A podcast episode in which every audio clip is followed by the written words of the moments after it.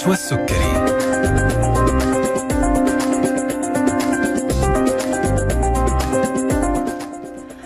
بسم الله الرحمن الرحيم. السلام عليكم ورحمة الله تعالى وبركاته. تحية طيبة لكم مستمعينا أينما كنتم وأهلا وسهلا فيكم في حلقة جديدة من طبابة. معي أنا نشوى السكري على إذاعتكم ألف ألف أف أم الموجة السعودية. حنكون معاكم أعزائي المستمعين ابتداء من الآن وإلى الساعة 2 بعد الظهر وحوار طبي مباشر مع ضيف مميز من ضيوفنا اللي دائما بيشرفونا في برنامج طبابة. مثل ما عودناكم إذا حابين تتواصلوا معنا بإمكانكم الاتصال على هاتف البرنامج 012 61 61 100 أو ترسلوا لنا على واتس البرنامج 055 66 89 01 you كمان بإمكانكم التواصل معنا من خلال جميع حساباتنا على ال social media على الفيسبوك تويتر إنستغرام واليوتيوب وبإمكانكم الاستماع إلى الحلقة أو إذا حابين أحد يستمع لها ممكن يسمعها من الراديو إذا كنتم في جدة على موجة 101 أو حتى ممكن تسمعوها من خلال الإنترنت. يكفي أنه تحط على جوجل ألف ألف أف إم راح يطلع لك موقع الإذاعة وبالتالي تقدر تستمع إلى البث المباشر أو تقدر تحمل تطبيق ألف ألف أف إم وتسمعنا مباشرة من التطبيق. حلقتنا اليوم أعزائي المستمعين عن تركيبات الأسنان وأنواعها ومميزاتها. هنتكلم عن الخيارات المتوفرة لتعويض الأسنان المفقودة. إيش الفرق بين التركيبات التجميلية والتركيبات الاستعراضية؟ إيش هي أهمية عمل التركيبات بعد علاج الجذور؟ وما هي الصعوبات اللي ممكن يواجهها المرضى اللي بيستخدموا التركيبات المتحركة؟ هذه الأسئلة وغيرها نطرحها على ضيف حلقتنا اليوم في برنامج طبابة عن تركيبات الأسنان وأنواعها. أرحب بضيف هذه الحلقة الدكتور خالد نبيل أخصائي طب وتجميل الأسنان. حياك الله دكتور خالد وأهلا وسهلا فيك. أهلا وسهلا بحضرتك وبمستمعينا الأعزاء. وإن شاء الله نقدم لكم حلقة جميلة آه، خفيفة بإذن الله. إن شاء الله. طبعا دكتور خالد إحنا ب- بنشكرك جزيل الشكر وبنشكر يعني مركزكم لأنه أنتم مقدمين لنا اليوم لمستمعي ألف ألف أف أم وتحديدا لمستمعي برنامج طبابة ثلاث كشوفات مجانية وثلاث جلسات لتبييض الأسنان. كل اللي هيتواصل معنا رجاء بس أرسلوا لنا الاسم ومن أي مدينة أنت بترسل لنا أو بتكلمنا وبالتالي راح تدخل معنا السحب على ست كشوفات ثلاثة منها كشوفات مجانية وثلاثة جلسات تبييض أسنان مقدمة من الدكتور خالد نبيل. الله يعطيك العافية دكتور. أهلا وسهلا بحضرتك هنتكلم النهارده عن تركيبات الأسنان وعلاقتها بال... باللثة بتاعتنا وصحة الفم. مهم. التجميل بس مش ابتسامة حلوة وبس التجميل إنك تخلق ابتسامة إن هي تبقى لايقة على شكلك. يعني هقول لحضرتك على حاجة مم. إحنا عندنا أنواع كتير من التركيبات مم. أهمها التركيبات آه، الزيركونيا وال E-max وال PFM تمام الأهم حاجة بالنسبة لنا هن... هنوضح للسادة المشاهدين أنواع التركيبات اللي عندنا مم. وإيه الأصح اللي إحنا المفروض نستخدمه هنتكلم أكتر عن ال E-max ال E-max اللي هو التركيبات التجميلية اللي هي بنستخدمها دايما في الأسنان الأمامية. مم. إيه فرقها عن تركيبات الزيركون إيه فرقها عن تركيبات البورسلين؟ طيب هذه كلها الآن التركيبات الثابتة. دي كل ده التركيبات الثابتة. إنما التركيبات المتحركة بنستخدمها في اضيق الحدود. دي طبعا لبعض ال- المرضى ال- مرضى السكر ال uncontrolled ما بينفعش معاهم التركيبات الثابتة. فبنعمل لهم التركيبات المتحركة تمام. اللي هو ال flexible denture وال acrylic denture التركيبات الجزئية والتركيبات الكاملة بس دي بتكون متحركة. تمام. إيه ده اللي ما ينفعش معاه التركيبات الثابتة. إنما دايما هيبقى موضوع حلقتنا عن التركيبات الثابتة وال Hollywood smile التركيبات التجميلية. تمام يا دكتور. okay. دايما بن, بن عايزين إحنا بيجي لي المريض في العيادة عايز يعمل أحسن تركيبة. مم. أحسن تركيبة. فبنقول له ال three option اللي هو البورسلين والزيركون وال E-max.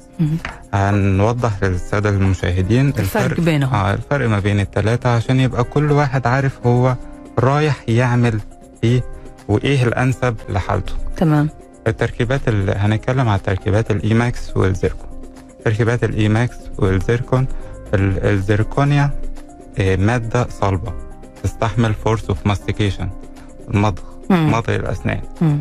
وبيبقى شكلها الجمالي أحسن. فدايما دي الزيركونيا بنستخدمها في ال posterior teeth الأسنان الخلفية تمام. أكتر. لأنه فيها مضغ أكثر فيها- فيها, يعني تحتاج فيها قوة. force of mastication أكتر وبتتحمل أكتر من التركيبات ال E-max ال E-max جماليا أنا بستخدمها في الأسنان الأمامية فقط. مم. اللي عايزين بقى تدرج للألوان شفافية anatomy حلو شكل جميل. بنستخدم ال E-max بس ما نقدرش نستخدمها في الأسنان الخلفية مم. ال E-max دي يا دكتور زي العدسات يعني هي هي العدسات في ممكن نعملها عدسات زيركونيا مم. ممكن نعملها عدسات E-max مم. عايزين العدسات أو ال veneers دي بنعملها عايزين maximum esthetics كويسة مم. بنعملها بال E-max بنقدر بتبقى السمك بتاعها قليل ما بتعملش يعني زي ما بيقولوا كده ضب كبير مم. هي ما بروز يعني للأسنان. بروز للأسنان مم. أكتر لا مم. طبعا بتبقى ال- العدسات آه، سهلة وشكلها جميل مم. ده لل E-max إنما الزيركون بناخد وظيفة اللي هو ال force of mastication. والشكل الكويس بعيدا بقى عن البورسلين اللي إحنا ما عدناش بنستخدمه أصلا اللي هو عبارة عن metal fused by porcelain. يعني بيبقى تركيبة معدنية وعليها طبقة كده بورسلين بتبقى esthetically. مش حلو. مم. بتبقى الشكل بتاعها مش بتكون حلو. لونها أبيض برضو؟ بتبقى لونها أبيض بس مش الأبيض الطبيعي. مم. بيكون واضح آه بيكون واضح. وساعات ال ال ال metal اللي تحت ال- البورسلين ده ساعات بيعمل آه، stain للثه تصبغ؟ اللثة، تصبغات آه. تصبغات للثه حواليه.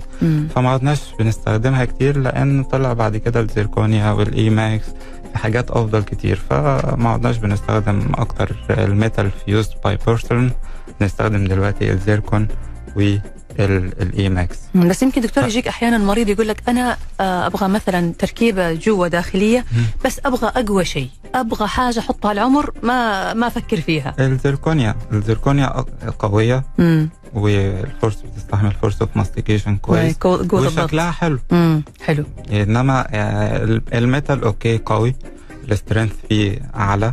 بس ال esthetically مش مش قد كده جماليا آه آه يعني جماليا وساعات بعد فترة من الزمن ممكن تعمل ريحة مش كويسة مم. ممكن ال- ال- المعدن اللي موجود ده يعمل التهابات للثة بعد فترة كبيرة طبعا مم. مم. وممكن بعد فترة أكبر ما ممكن يعمل ال stains حوالين اللثة تصبغات في اللثة. تصبغات في اللثة مم. فعشان كده أنا بنصح دايما بالزيركونيا أو في. آه، في ال posterior teeth في الأسنان, في الأسنان الخلفية الخلفية مم. إنما الأسنان الأمامية دايما بناخد ال E-max لأن بنقدر ندرج الألوان فيه مم. إيه، لل- للناس اللي بتحتاج حاجة طبيعية أكتر نقدر نقدر نتحكم في ألوان الأسنان حلو ممتاز طيب نتكلم الآن دكتور عن ال E-max يعني هل إيش من هي الحالات اللي ممكن يصلح لها ال E-max؟ جاك واحد يبغى يسوي تركيبه أسنان أمامية، هل كل الناس يصلح معاهم ال E-max؟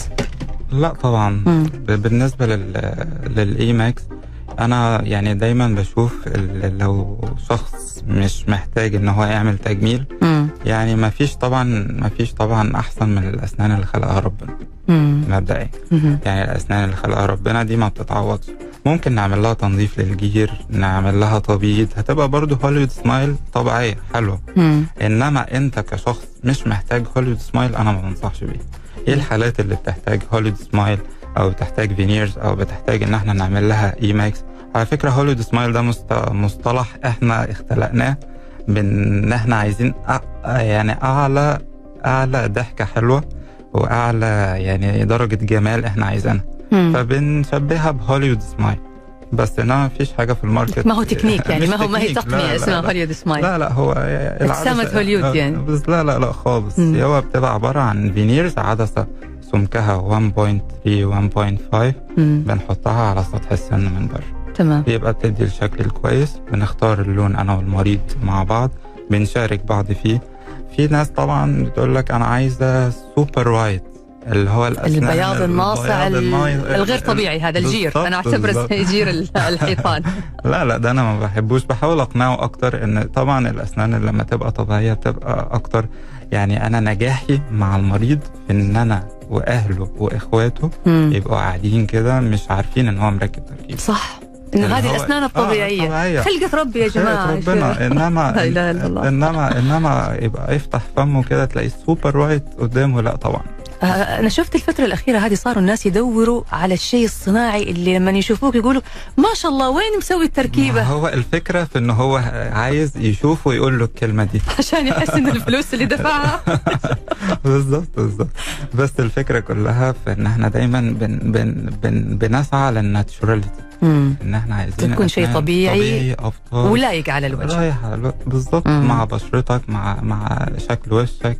لا ده طبعا ده ده أهم حاجة. ال E-max طبعا ساعات يعني دايما في ناس في العيادة يا دكتور أنا عايز أعمل Hollywood smile بدون برد. أيوه بدون الحك برد. والبرد آه، هنا. بدون برد للأسنان. مم. فدايما بنتجه لقصة تانية خالص. بفهمه كذا point كده قبل ما بنبدأ. مم. بناخد مقاسات ليه؟ بنعمل حاجة اسمها smile analysis مم. نعمل X-ray تحليل لل... للابتسامة. آه. وبناخد بناخد كذا shot ك لقطة كده آه، كم لقطة؟ كذا shot بالظبط من كل مكان بالكاميرا بنشوف الابتسامة هتظبط معاك إزاي. هل هتحتاج فعلا إلى برد أو لأ؟ كل ده بنعمل له حاجة اسمها mock up مع المعمل وبنحط فيها يعني بجيب له من المعمل أسنانك هتبقى عاملة كده. تمام. فهل وبنعدل بقى فيها شوية تفاصيل صغيرة يعني. فيها بروز خفيف فيها لأ لازم برد. وطبعا يعني أنا بنصح يعني اللي هيعمل هوليوود سمايل ما يعملهاش اللي هو محتاج. مم. بعض الناس بتبقى عندها تصبغات في الأسنان الأمامية ما بتروحش بالتبييض. عندهم حشوات أمامية حشوات تجميلية. دايما محتاج إن هو يغيرها. أسنان معمول لها سحب عصب بقالها فترة فضعيفة فمغيرة لونها هذه النقطة يا دكتور تحديدا نقطة جدا مهمة بالذات بالضبط. علاج العصب وهل يحتاج علاج علاج العصب إنه يصير فيه تركيبة؟ هل لازم نغير التركيبات القديمة ولا لا؟ هو ده مصطلح شائع بس مصطلح مغلوط شوية أي أنا هاخذ هو- الإجابة من حضرتك يا آه، دكتور طبعاً. بعد الفاصل لأنه إحنا الآن. لازم نطلع فاصل بعد. الفاصل هنعرف من حضرتك المصطلح هذا مغلوط وليش مغلوط وإيش الصح ونعرف هل ممكن فعلا تغيير التركيبات القديمة هل ممكن استبدالها هل ممكن تعديلها وإعادة استخدامها مرة ثانية أسئلة كثيرة لسه هنطرحها على ضيف حلقتنا الدكتور خالد نبيل أخصائي طب وتجميل الأسنان لكن بعد ما نرجع من الفاصل لازلنا نستقبل أسئلتكم على واتس البرنامج 055 66 89 01 واللي هيتواصل معنا اليوم هيكون مرشح للحصول على إما كشف مجاني أو جلسة تبييض أسنان. فاصل وراجعين.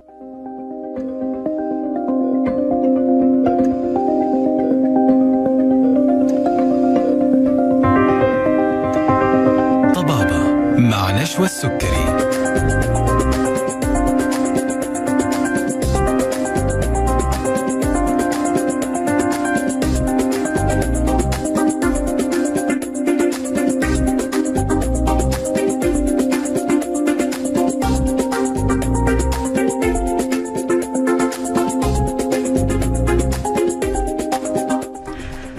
حياكم الله من جديد مستمعينا الأعزاء وأهلا وسهلا فيكم مرة ثانية في برنامج طبابة على ألف ألف أف أم الموجة السعودية.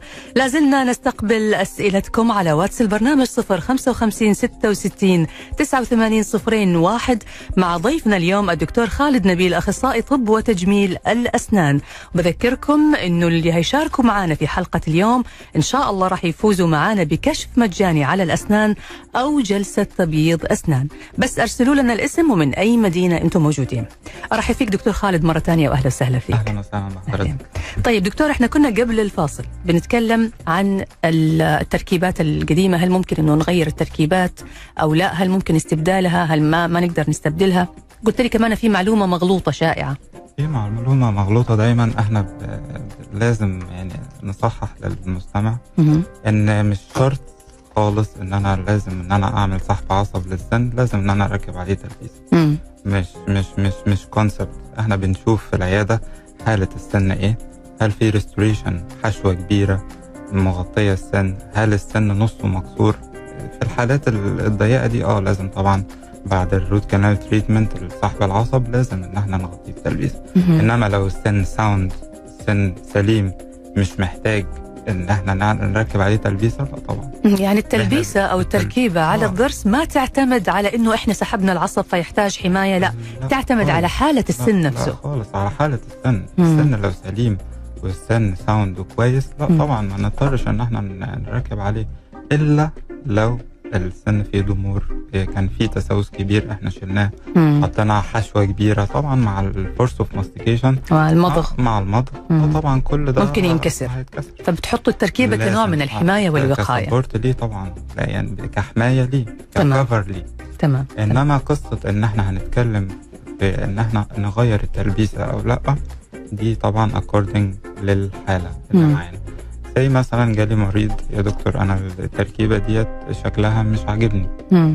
آه، شكلها مش حلو قديمة بورسلين في معدن مهم. الشكل بتاعه مش حلو آه طبعا لازم بن يعني تتغير. بنشيلها له مم. وبنغيرها التركيبة دي يا دكتور بتدخل أكل من تحتها مم. تعمل ريحة مش كويسه طبيعي. هذه لازم آه، تتغير. لازم نغيرها أكيد. يعني لو إنما لو التركيبة كويسة بتقوم بو- بوظيفتها ما يحتاج. ما نحتاجش إن إحنا نشيلها ونغيرها. مم. يعني according للحالة اللي عندنا هو جاي ليه؟ جاي يغيرها هنغيرها له لسبب. السبب ده الوظيفة بتاعتها مش مش مش كويسة. إن مثلا التركيبة اتكسرت جزء منها منه اتكسر كبير هنغير. إنما لو التركيبات طبعا سليمة وكومباتبل مع اللثة كويس اللثة بتاعتها مش عاملة أي التهابات طبعا ما نغيرهاش ممتاز يعني دكتور نقدر نقول كذا إنه ما في حاجة اسمها فترة صلاحية للتركيبة هي التركيبة صالحة طالما إنه شغالة كويس وما شغالة منها كويس. مشاكل. لا لا لا خالص. الصلاحية دي لا طبعا ما فيش حاجة اسمها مدى الحياة. مم. عشان في كونسبت يقول لك إن إحنا هنعمل تركيبة صالحة مدى الحياة. لا طبعا. في عوامل كتير بتتغير حوالينا. في مثلا زي مثلا السن نفسه تحت التركيبة ممكن إن هو يتكسر. مم. لو لو العلاج بتاعه مش مش معمول كويس. إحنا طبعا قبل ما بنعمل أي تركيبة عندنا لازم بنعمل حاجة اسمها analysis لل case كلها. تحليل آه، كلها ودراستها آه، دراسة للحالة كلها مم. من X-rays ونشوف ال- الأسنان فيها تسوسات نعملها محتاجة سحب عصب نعمله معمول سحب عصب قديم ما ينفعش أركب تركيبة على سحب عصب قديم مم. القديم سحب عصب قديم فيه مشكلة مم. إنما ممكن سحب عصب كويس ما فيش فيه أي مشكلة okay عادي نتأكد إن السن مسحوب عصبه كويس جدا مش عامل التهابات مش عامل صديد مش عامل خراج تحتيه كل ده بال X-ray قبل ما بنركب التركيبة مم. عشان مش بعد ما نركب التركيبة السن يحصل له التهاب أو يحصل له abscess نقعد نفك التركيبة دي تاني مم. تاني ونعملها من أول وجديد لا مم. يبقى من البداية ال treatment ال plan treatment plan اللي إحنا عاملينه كويس خطة العلاج. آه خطة مم. العلاج اللي إحنا عاملين فيها كويس إن إحنا نقدر نوصل بالمريض لأعلى درجات اللي هو اللي يبقى يعني مبسوط من التركيبة اللي هو عملها. ممتاز يا دكتور. طيب هل ممكن السن اللي تحت التركيبة ينكسر؟ أكيد طبعا عادي. بتحصل كتير. بيجي لي مريض مع التركيبة بتاعته في إيده في العيادة. دكتور التركيبة اتكسرت. أبص جوه التركيبة ألاقي السن نفسه اللي مكسور مش مم. التركيبة. مم. دي طبعا لعوامل كتير. أولها إن إحنا عملنا تركيبة من غير ما نشيل التسوس اللي تحت. أها. السن. مم. فالتسوس بيزيد بيزيد بيزيد. هو شغال آه، التسوس آه، من جوا من بي- تحت آه، من تحت التركيبة. التركيبة. أيوه. فبيزيد بيزيد بيزيد لحد ما ياكل نص السن. فبالتالي أكلت عليه حاجة جامدة تلاقي التركيبة اتكسرت بالسن. مم. فلازم الأول نعمل تشيك على السن قبل ما نعمل التلبيس عليه. تمام. إن هو بيبقى خالي من التسوس العصب بتاعه مسحوب كويس ال area اللي حواليه compatible مع مع التركيبة اللي أنا هحطها.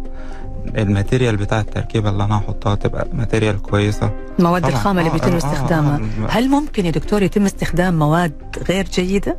هو لا هو ده جزء marketing أكتر بس مم. الفكرة يمكن في يمكن يعني مستويات من المواد آه طبعا في مستويات في في ما هو طبعا مش مش هتروحي تعملي حاجة ب ب 100 ريال زي ما هتعملي حاجة لا طبعا ال material بتختلف مم. بتختلف جدا يعني دلوقتي في طب الأسنان دلوقتي حاليا الشركات بتتسا... بتتسابق إن هي تقدم material أحسن. في كل كل كل كل سنة عن سنة بي- بيبقى في improvement في تطوير مثلا. آه تطوير. تطوير ال material دي دلوقتي مثلا في الوقت الحالي إحنا دايما بيجي لي المريض بيبقى خايف من لما أنا أعمل له تركيبة من المقاس اللي أنا باخده وبيحطه في بقه بيبقى طبعا بيحس إن هو طبعا في ناس بيبقى عندها gagging reflex ما. بتقدرش تستحمل المقاس ده مم. فدي دلوقتي في تقنية جديدة اللي هي ال scanner okay ال scanner دي بتخش زي كاميرا كده بتصور. هذه موجودة عندكم آه آه موجود كل ده بي... في عيادات سابقة طبعا موجود كل الكلام ده. ممتاز. فأهم حاجة بتعمل سكانر لل... لل... للفك كله. مم. وبناخد ال... بناخد الصورة دي نبعتها لل laboratory للمعمل. حلو. معمل يصمم لنا السن. وبنركبه عادي من غير بقى زي الأول ال gagging reflex و...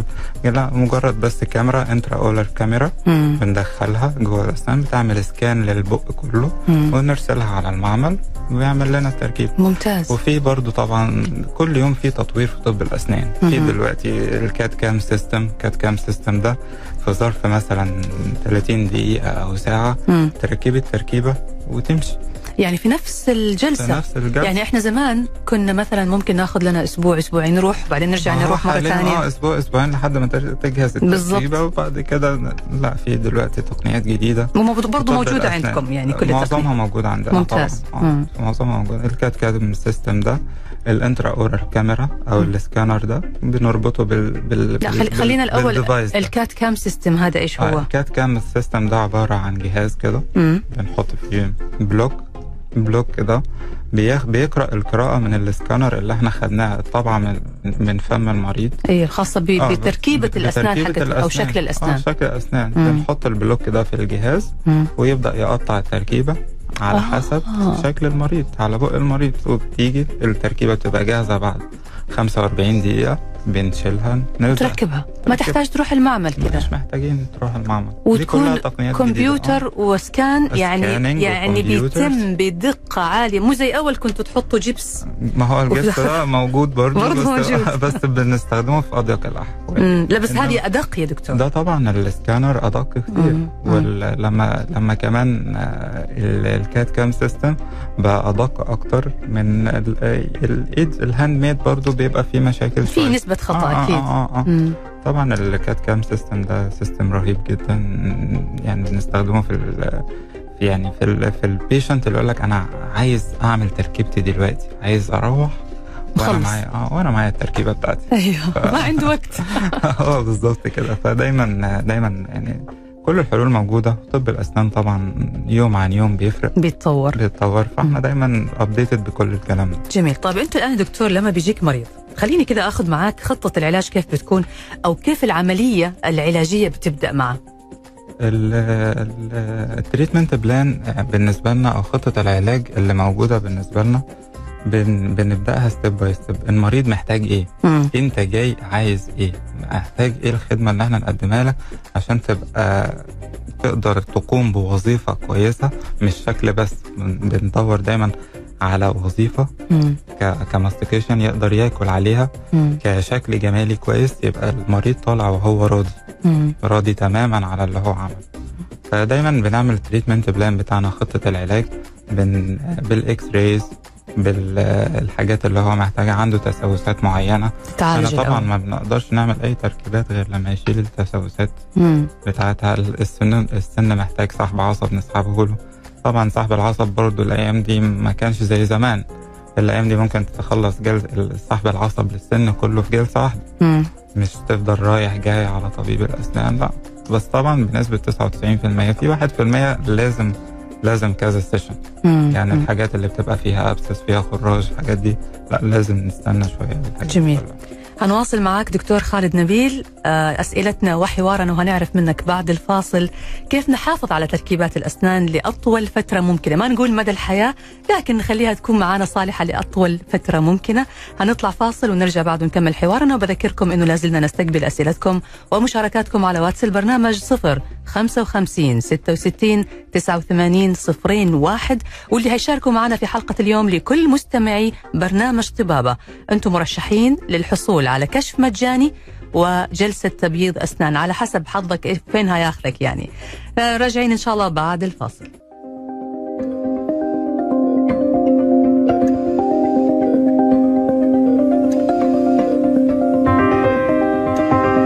طبابة مع نشوى السكري.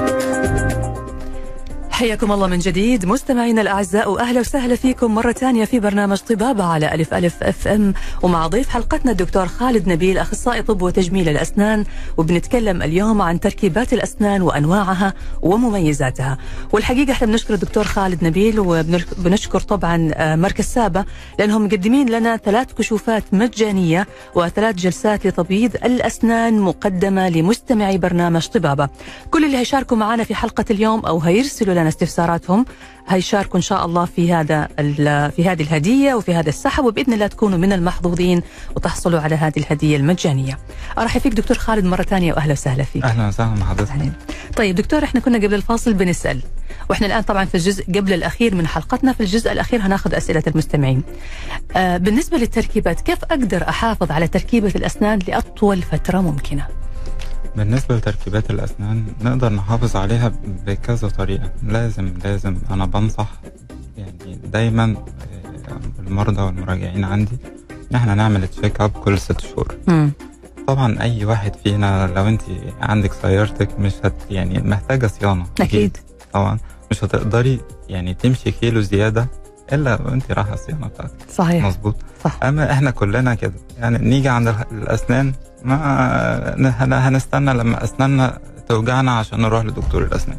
دي طبعا أكتر حاجة شائعة عندنا فدايما بنصح كل مريض لازم لازم كل ست شهور لازم يعمل check up على أسنانه خصوصا لو أنت عامل تركيبات مم.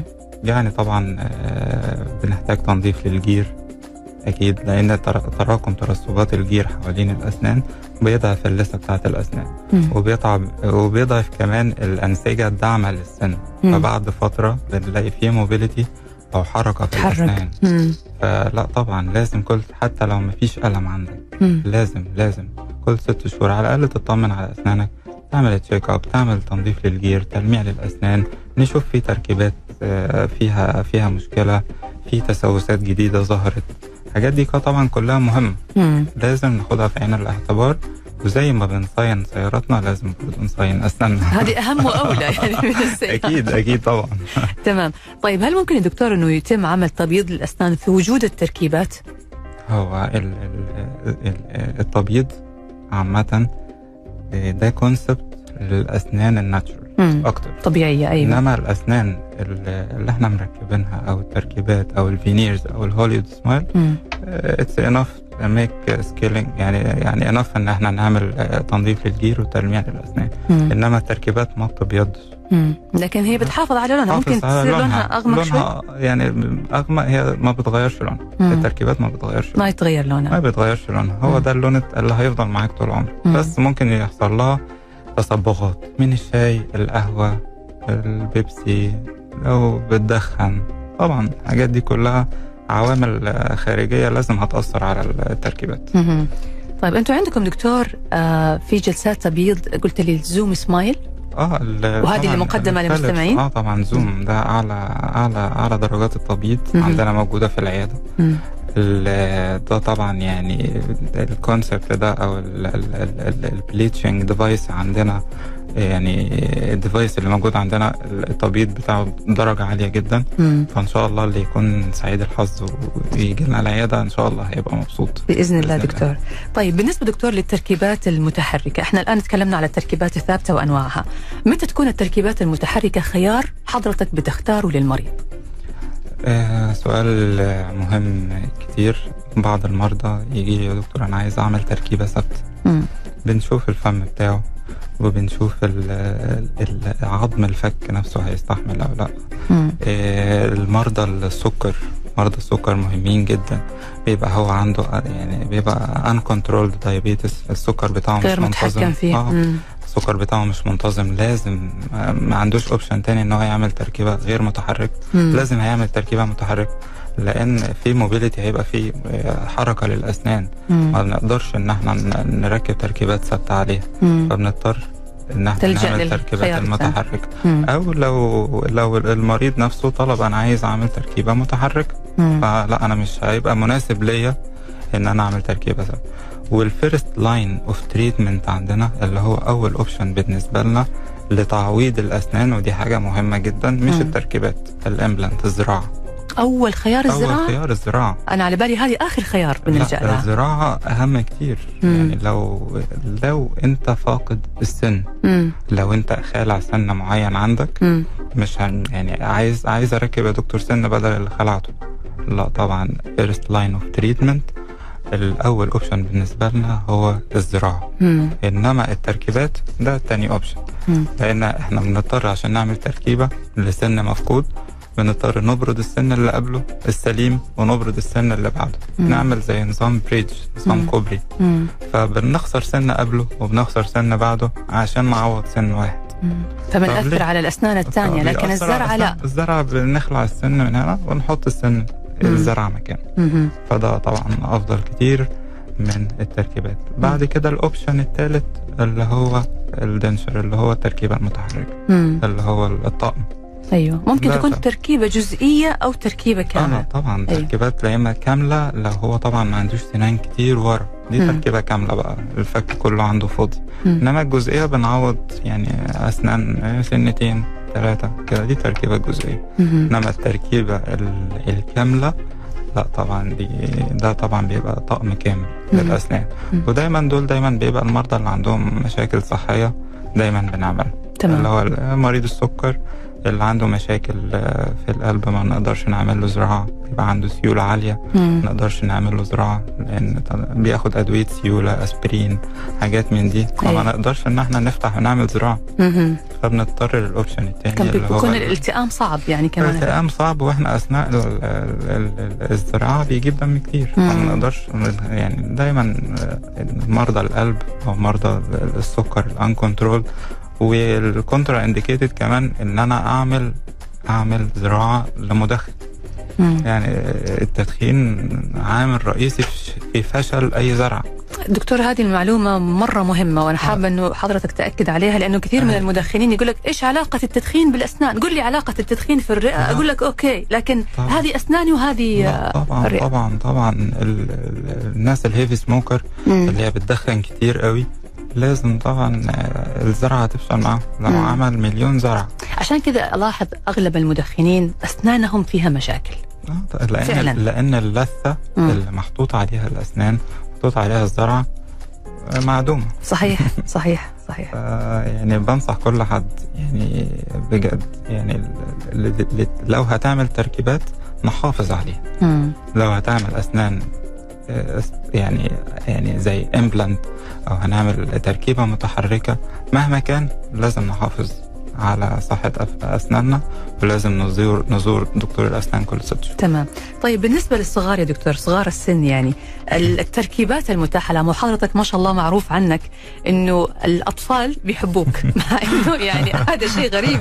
معروف دائما إنه طبيب الأسنان يخافوا منه الأطفال ما يحبوه. هو الموضوع سايكاتريك أكتر. نفسي أكتر. نفسي طبعا نفسي مم. أكتر. لو أنت عرفت تتعامل مع الطفل من. اول من أول زيارة إيه، عرفت يعني الأطفال مختلفين مم. وطبعا التربيات بتاعتنا مختلفة فبتعرف توصل لل- لل- للطفل بت- بال- بالطريقة بتاعته مهم. لو نجحت إنك تتعامل مع الطفل بطريقة يعني بروفيشنال ونجحت كده يبقى التجربة بتاعتك خلاص آه، نجحت وهتعرف وهتعرف إزاي إنك آه، تمانج الحالة وتشتغل له وهو يبقى مبسوط بهدية صغيرة ب- بحاجات كده بنعملها عندنا في العيادة وهذا يعني صراحة ذكاء ونجاح يعني خاصة حضرتك مش متخصص في أسنان مش- لا، لكن أنا دائما أعرف أنه عيادة حضرتك أكثرها أطفال. لا لأن بنعرف نتعامل مع الأطفال كويس جدا. يعني دي الطريقة اللي يعني نقول له هنشيل لك السوس آه، حاجات صغيرة كده. معاهم بس الحمد لله يعني. تمام. طيب معنا اتصال آه، في عندنا آه، سؤال. يا هلا وسهلا. كيفك دكتورة؟ أهلا وسهلا حياك الله من معي الله يسعدك معك حسام قاسم من الدمام منطقة الشرقية الأخ حسام قاسم من الدمام المنطقة الشرقية حياك نعم. الله أخوي حسام تفضل إيش الله سؤالك يسعدك يا ربي إيه، ممكن نحكي مع الدكتور عن سؤال أنا مريض سكري حضرتك تمام. مريض سكري طب دقيقة عشان عشان الدكتور يسمعك آه نعم. حضرتك معلش العمر كم سنة؟ أنا 67 سنة. ما شاء الله العمر كله إن شاء الله وأنت بصحة الله وعافية. يسعدك دكتورة. الله يخلي لي اياك. يا رب. معك الدكتور تفضل. دكتور أنا عمري 67 سنة ولكن العمر كله. السكري، أهلا وسهلا. تمام؟ تمام. السكر. ولكن بحب إني أركب إيش ثابت لسبب واحد لأني مش مظهر. كل ما آكل أشيله بجوز أنحرج قدام ناس أقعد أغسل فيه هذا الجسر أو البعث بسموه. يعني شايف فيها من ناحية نفسية ما أنا مرتاح لها. آه، دي تركيبة مركبت ثابت وضبط السكري. بزبط معي؟ انت انت مركب تركيبة متحركة مظبوط؟ لا هو دكتور مركب ما يبغى فاقد متحرك. أسنان. انت ما تبغى متحركة أصلا. هو يبغى ثابت بس هو مضبط سكره. آه ففاقد أسنان أنا ودروسنا الداخل. أبغى أركب ثابت. وضبط السكري الحمد لله. الف سلامة عليك. اولا الله يسلمك يا دكتور. أهم حاجة إحنا بت- بتزورنا في العيادة بنعمل حاجة اسمها analysis أنتوا عيادتكم وين؟ في جدة؟ إحنا في جدة آه. اوبا في الدمام أنا.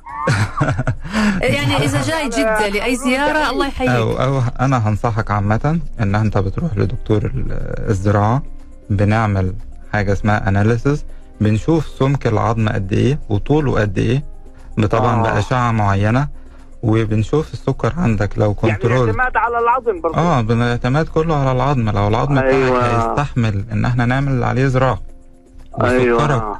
مظبوط والدنيا عندك controlled ومفيش أي مشاكل خلاص عادي نقدر نعمل زراعة عادي جدا. زيك زي أي حد. مش معنى إنك أنت عندك سكر إن إحنا مش هنعرف نعمل زراعة أو مش هنعرف نعمل اي أي علاج. لا طبعا. المهم يكون دروس ثابتة يا بغيت. ما آه آه لا. اشيلها الد- واقعد انظف لا لا الدروس الثابتة طبعا. لو خليني أحكي لك إياها بس منها أنا صراحة. لأنه كل ال- ما أشوف ناس كبار هيك بيشيلوها بقولوا لا خلص عمره انتهى لا لا الله لا يعطيك لا, لا. الصحة والعافية إن شاء العمر الله الله كله ليك. دكتور. فأهم حاجة بنشوف في ال x-ray آه، طول العظم قد إيه وال width آه. بتاعه هل هيستحمل إن إحنا نعمل يعني عليه على آه. لازم تعمل أشعة كوم بيم بتبين أيوة. بتبين معانا بقى. سمك العظم قد إيه رجعت وطوله قد إيه تزوركم. وساعتها بنقرر بإذن الله إن شاء الله يكون نصيب نزور جدي ونيجيكم تنور تنور يا الله يخليك، الشرف لينا. طبعا نورك يا دكتور لينا خير. تنورنا في عيادات سابا الله يخليك طيب أنتم بتقولوا في اشتراكات للتبييض والأسنان هيك شغلة كيف؟ آه انت طبعا ولا؟ إن شاء الله أنت بتدخل معنا السحب بإذن الله تكون من اللي إيه، طب فايزين معنا دكتور أنا شوي أعطيك اسمي بالكامل آه خلاص أنا سجلت الاسم الأخ حسام قاسم من الدمام. آه أرسله على الواتس لو تكرمت okay طيب، شكراً أخوي حسام. بتاعكم كام؟ نعم صفر خمسة خمسة ستة ستة تسعة وثمانين صفرين واحد. طيب على التليفون ما زبطش لما دخلتش على الواتساب؟ لأني بسوق السيارة. طيب خلاص خلاص بنسجل. بس يعني في أي وقت أرسل لنا بس علشان نعرف الرقم. هي اعتمدي لي يا دكتور الله يسلمك. خلاص إن شاء الله. حياك حياك أخوي إذا حياك. هذا إن شاء الله. بندبرها بنيجي زيارة بإذن الله. بإذن الله. الله يعطيك العافية. شكرا لك شكرا. طيب أرجع لك دكتور خالد آه ونكمل حوارنا. بس هنطلع الآن فاصل. okay. وبعد الفاصل نرجع نكمل حوارنا ولا زلنا نستقبل أسئلتكم ومشاركاتكم على واتس البرنامج 055 66 89 صفرين واحد. فاصل وراجعين.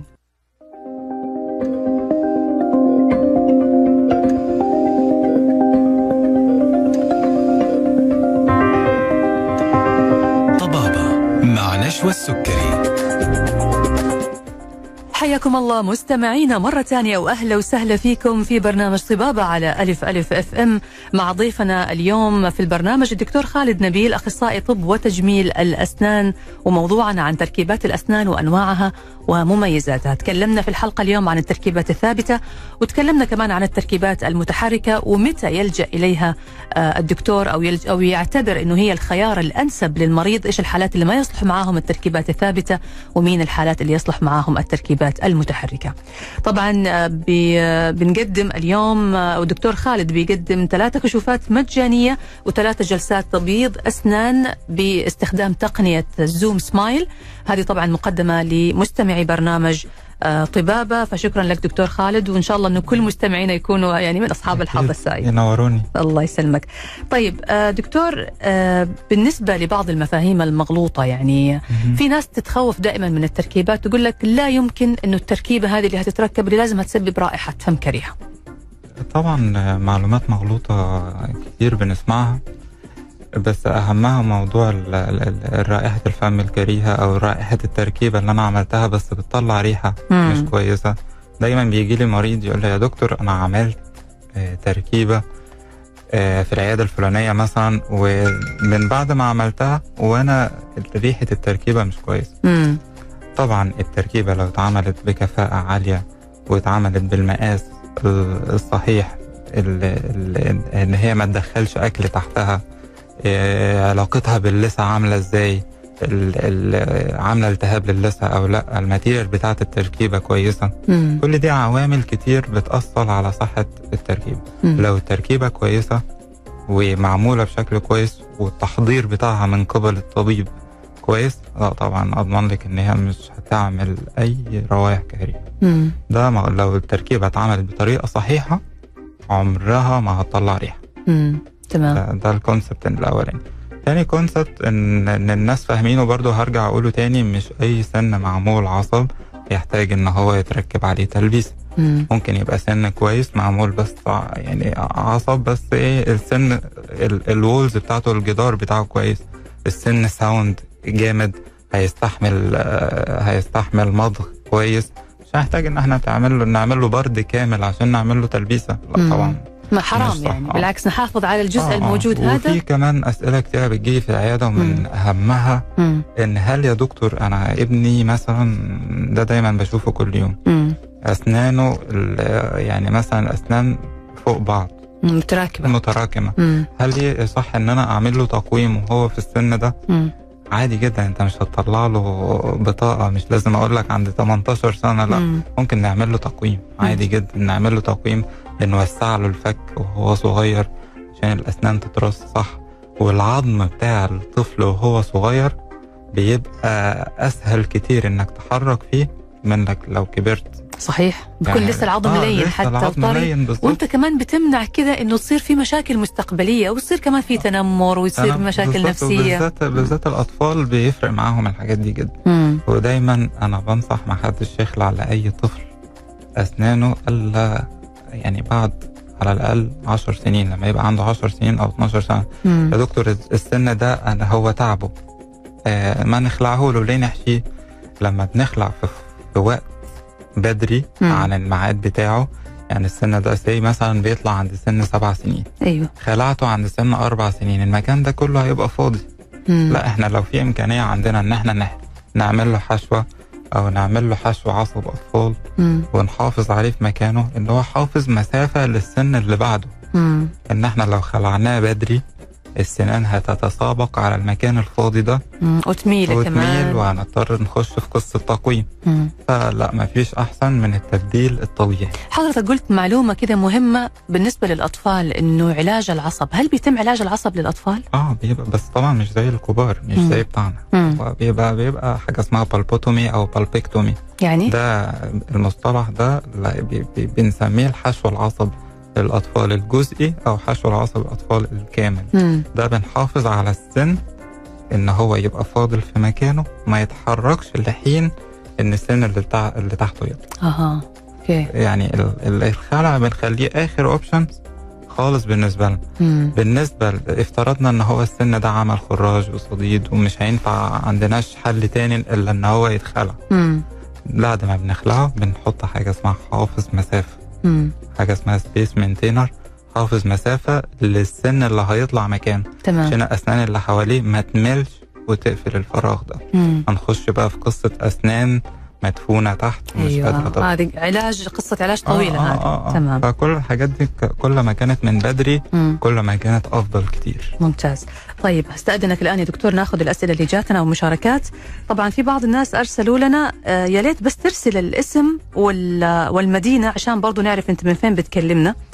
آه، عندي هنا أغلبهم أرسلوا الاسم بس هم يبغوا المشاركة في في, في الهدية يعني.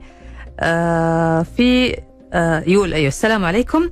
الله يعطيكم العافية على الحلقة. حابب أسأل الدكتور الدكتور قال إنه الزيركون بالأسنان الخلفية أفضل. طيب هل كل سن بسن ولا عادي تصير جسر أكثر من سن؟ وين عيادة الدكتور؟ ويعطيكم العافية مرة ثانية. هذه آه هذا من أبو لميس. آه بالنسبة للتركيبات يفضل, يفضل طبعا إن يبقى سن سن. قصة الجسر دي ما بنعملهاش خالص إلا لو المريض مش حابب إن هو يعمل إمبلانت زراعة. مم. بنعمل ساعتها الجسر. أو تمام السن آه، مثلا مفقود فلازم نعمل جسر والمريض مش حابب إن هو يعمل زراعة مم. إنما الأفضل طبعا يبقى سن منفرد سن بسن. لو الأسنان موجودة تحتها يبقى سن بسن. ما ألزقش كل السنان ببعض. عشان أقدر انضفها كويس أقدر أعتني بيها كويس نستخدم الخيط ما بين الأسنان كويس. تمام. إنما قصة إن أنا ألزق التركيبات كلها في بعض دي طبعا هتكون أكل تحتها. هتعمل التهابات للثه. مش هنقدر ننضفها كويس لأن كلهم لازقين في بعض. تمام. فلازم بنصح أي حد مركب تركيبات تبقى تركيبات منفصلة مش متصلة. مم. دي أول حاجة. ويستخدم يا إما الووتر فلوسر اللي هو الخيط المائي. ده مهم ممتاز. جدا. ممتاز. مهم جدا الخيط المائي. بينظف آه، بعمق يعني. ما بين آه ما. بين الفراغات دي. صحيح. أو الخيط العادي لو أنت بتعرف تستخدمه. بس طبعا الخيط المائي افضل أسهل. كتير. آه أسرع كتير. صحيح. طيب في سؤال كمان يا دكتور يقول السلام عليكم. آه، شكرا لكم على الحلقة. آه، حابب أسأل الدكتور بالنسبة لعملت آه، سحب عصب. آه، لكن كنت متألم بشكل كبير جدا وبعد ما سووا التركيبة قاعد الألم مستمر معايا لمدة عشرة أيام وكنت أخذ مسكنات بس كنت أشعر أن الألم كأنه بيتحرك في مناطق مختلفة طبعا؟ طبعا آه، موضوع هنتكلم في موضوع سحب العصب طبعا مم. موضوع سحب العصب ده بحر كبير مم.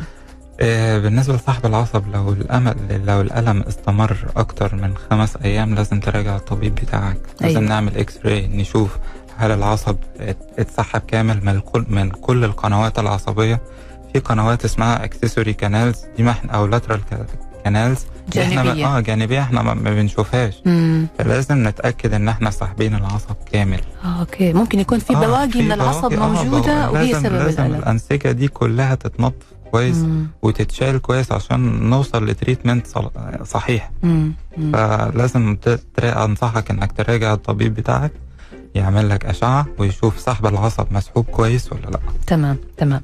طيب في برضه هنا عندي مشاركة يقول رسالة تحية وتقدير لأخوي الدكتور خالد نبيل أشطر دكتور في جدة هذا محمد عصام. شكرا أخوي محمد. الله يعطيك العافية. صديق عمري. والله طيب كويس. طيب آه هنا عندي سؤال بس هو ما له علاقة ب- بموضوع اليوم. يعني آه شيء خاص بالحساسية. إحنا اليوم نتكلم عن الأسنان تحديدا. طيب ناخذ هذا السؤال كمان. يقول هل يمكن أن ينكسر السن أو الحشوة تحت التركيبة إحنا جاوبنا يمكن على هذا السؤال. آه آه. وبس يمكن يبدو لي ما استمع للحلقة من هو آه بدايتها طبعا لو لو السن في يعني إحنا عملنا التركيبة وبعيدها تاني لو عملنا التركيبة وفي تسوسات تحت التركيبة مم. تحت السن اللي أنا مركب عليه مم. طبعا التسوس ده هيزيد هياكل نص السن مجرد ما أكلت حاجة جامدة السن هيتكسر. ف- يعني ممكن وارد آه عادي. وارد جدا يعني. طيب هو سؤال برضو يقول هل أسنان التركيب ممكن تتسوس أو يتغير لونها برضو حضرتك قلت لا ما لا طبعا لا طبعا لو. معمولة بشكل صحيح ومفيش مفيش أكل تحتها يخش يعمل تسوس للسن الدايم اللي تحت طبعا مش هتسوس لا طبعا مم.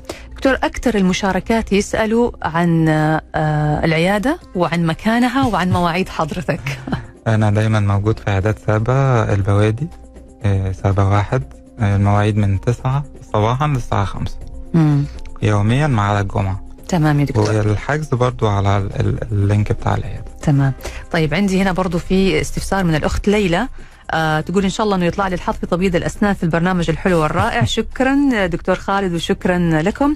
تقول أنا من جدة عمري 45 سنة. يا رب يطلع لي نصيب إن شاء آه شكرا لاهتمامكم في صحة الناس. العفو والله هذا دورنا وواجبنا يعني. تقول أنا أحب الشاي بشكل مو طبيعي. وأكثر من مرة سويت تبييض وترجع تصفر الأسنان مرة ثانية. إيش الحل؟ دي المشكلة. أيوة. المشكلة اللي بنقابلها على طول الناس ال- اللي بتشرب شاي وقهوة كتير. وبتحب بتعشق البيبسي وال- والمدخنين.